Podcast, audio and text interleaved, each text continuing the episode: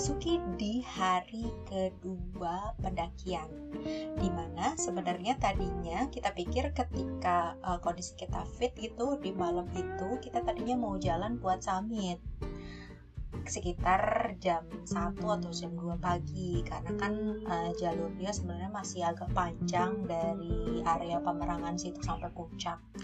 Tapi ya kondisinya badannya lagi pada drop ya udah aja deh kita pikirnya hari kedua ini sesiangan kita leye-leye aja dulu.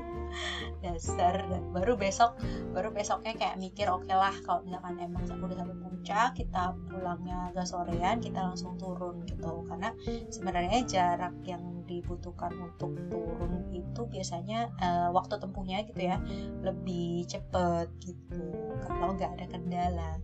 Tapi nih guys cerita di hari kedua ini seru banget. Kita mulai aja. Dimulai dari mana ya? Dimulai dari bangun pagi sarapan dan leye-leye udah deh kegiatan kita tuh bener-bener cuman kayak gitu doang gitu ya. Bangun nih terus masak. Itu pun dimasakin. Dan ya udah makan. Makan terus ngapain lagi ya. Oh iya gue sempet kayak eh, jalan-jalan ke area sekitaran situ jadi nyoba turun lagi sedikit ke area pemerangan gitu kan. Sekaligus kayak dari teman-teman yang dari kuningan itu kayak ngeliatin beberapa area aja sih. Uh, ngecek beberapa area di mana mereka kayak semacam nyimpen apa namanya buat emergency emergency gitu kayak air cadangan air dan lain sebagainya yang gue baru tahu sih. Ternyata seperti itu ya kalau misalkan di gunung itu uh, untuk para para ranger itu mereka menyiapkan uh, beberapa cadangan air yang suatu saat dibutuhkan tuh bisa diambil. Nah di peperangan situ gue cuman duduk-duduk aja di siang bolong ya nggak bolong juga sih. Dan cuacanya tuh cerah uh, kabutnya naik turun lumayan agak tebel sih untuk sesiangan itu. Dan udah deh bener-bener nggak ada orang nggak ada siapa-siapa. Bener-bener yang ada tuh cuman suara tonggeret ya. Apa ya? Tonggeret bahasa Indonesia? Apa sih? Kayak um, itu yang suaranya. Nih ya. Hai jangkrik suaranya kok gigi kret kret kret gitu kali ya. Ah gue nggak nggak pandai gue me menirukan suara tonggeret gitu. kalau di Sunda namanya tonggeret kalau di yang lain mungkin jangkrik ya secara umum ya nah gue menikmati di hari itu terus si seluruh jalanan itu bener-bener ketutup daun-daun yang berguguran. Dan itu tuh kayak di hutan itu kayak berasa cuma lo doang gitu sama teman-teman lo. Jadi antara yang serem tapi ya seneng tapi ya nggak tahu campur aduk aja gitu rasanya. Jadi uh, setelah cuman jalan-jalan lucu itu kita balik lagi ke camp. Ngapain? Ya tidur siang lah ngapain lagi? Tidur bangun makan lagi minum lagi cerita-cerita lagi. Dan siap-siap tidurnya jangan terlalu malam karena kita mau uh, nyobain summit mau berusaha buat ngejar summit di hari esoknya di dini hari sih tepatnya jam 1 kita rencananya untuk bangun dan siap-siap jalan. Jam 1 malam coy. Jam 1 malam terabas hutan itu sesuatu banget. Walaupun gue punya pengalaman beberapa di beberapa gunung gitu memang mulai naik itu sekitar kayak jam 2 jam 3 pagi gitu. Tapi kayak kali ini tuh kayak lebih challenging aja gitu. Apalagi kan katanya jalurnya bener-bener seru gitu kan. Yang gue juga gak kebayang kayak apa gitu jadi oke okay, kita habis maghrib itu makan terus ya udah siap-siap tidur aja udah gitu. Nggak malam-malam karena malam mau siap-siap buat jalan. Ya untungnya semua energi udah mulai kekumpul lagi. Kita tidur dan berdoa supaya besok diberikan kelancaran sampai puncak. Gitu deh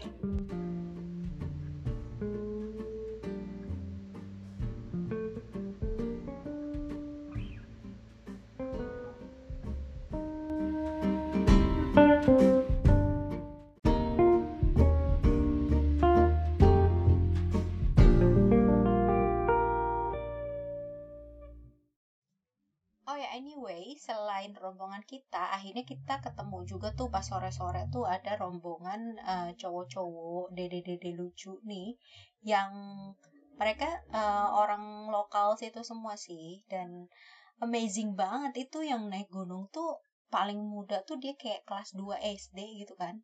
Dan dia tuh kayak semacam lagi latihan fisik gitu sama si saudaranya yang memang udah pengalaman dan si uh, saudaranya itu tuh benar-benar kayak cuma nyuruh-nyuruh doang.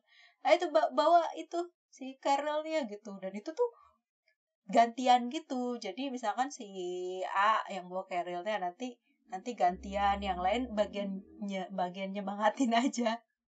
Kocak banget ya. Dan anak kecil dengan Carol yang segede itu dan seberat itu luar biasa banget gitu kan. Dan mereka tuh kayak masih happy happy aja gitu kelihatannya luar biasa kan.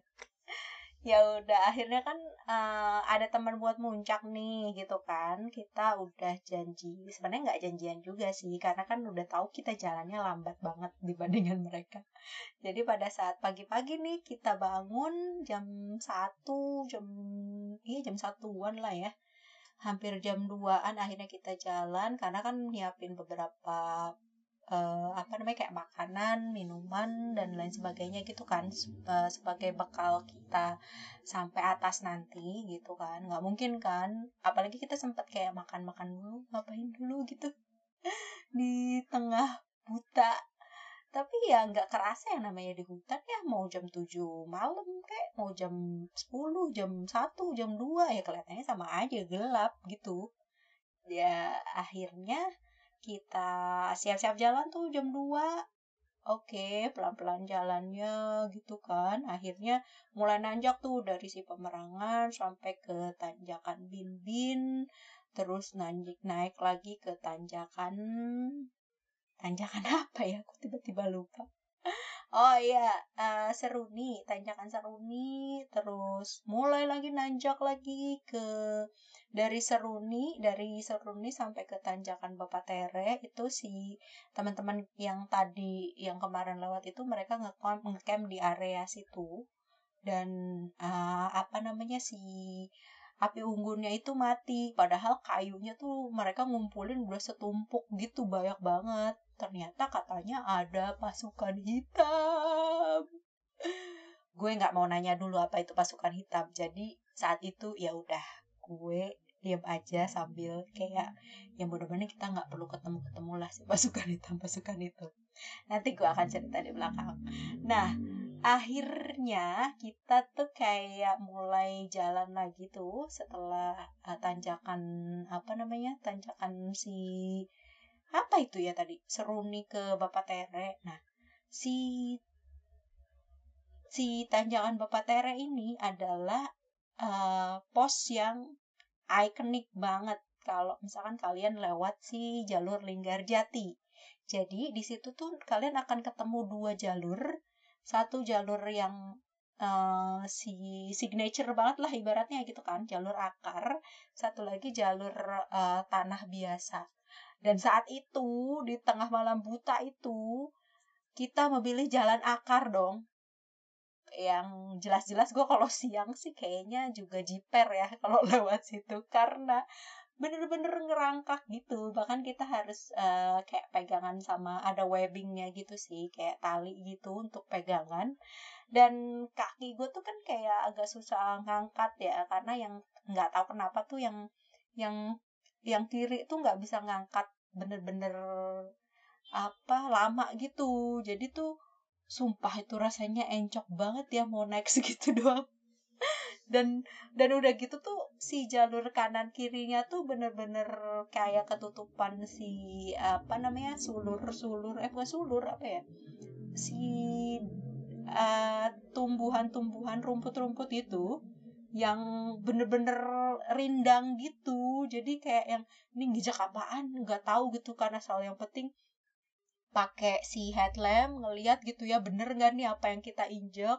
Terus belum harus pegangin harus kenceng terus harus kayak fokus fokus fokus jangan sampai hilang fokus di sini kayak gitu kan. Waduh udah gue udah deg-degan banget ya mana mana gelap gitu kan mana harus kayak bener-bener pegangan harus uh, bener-bener konsentrasi deh di jalur itu gitu. Tapi katanya kalau nggak ngelewatin jalur itu ya sekali-sekali lah. Tapi kayaknya nanti-nanti mah nggak mau lagi lah lewat situ. Serem coy. Ya udah setelah ngelewatin si jembatan eh jembatan tanjakan Bapak Tere yang terkenal itu akhirnya jalurnya terus tuh. Nanjak nanjak nanjak dan nanjak. Capek. Ya iya capek. Suruh siapa naik gunung? Mana ada naik gunung? Nggak capek ya gak sih ya udah kita lanjutin ceritanya ya. Tapi habis musik yang satu ini bentar ya. Dah. Oke lepas jalur Bapak Tere. Kita lanjut terus naik. Um, jalurnya makin rapet-rapet dan mulai kesiangan coy. Ya iyalah ternyata jalurnya se kayak gitu ya seseru itu gitu. Akhirnya kita nyampe ke pos apa ya salah bapak Tere itu ya? Tapi gue lupa namanya. Jadi di pos itu kita kayak uh, apa namanya sholat subuh dulu terus um, kayak ngemil-ngemil dulu biar kuat gitu terus lanjutin lagi perjalanan yang pastinya makin seru um, dan jalurnya makin makin luar biasa banget. Karena bener-bener kayak nggak kelihatan gitu sih kayak ini jalurnya ke mana sih? gitu semuanya dipenuhi rumput gitu uh, si apa tanaman yang bunga-bunga itu loh yang suka banyak di gunung-gunung yang sebenarnya kalau siang tuh kelihatan bagus yang ternyata pas pas gue baliknya sih emang bagus sih cuman jadinya nutupin jalan jadi bingung. Jadi kayak bener-bener rabas si uh, apa namanya bunga-bunga itu terus uh, yang karena masih gelap jadi nggak begitu jelas ya kayak pemandangan kayak apa.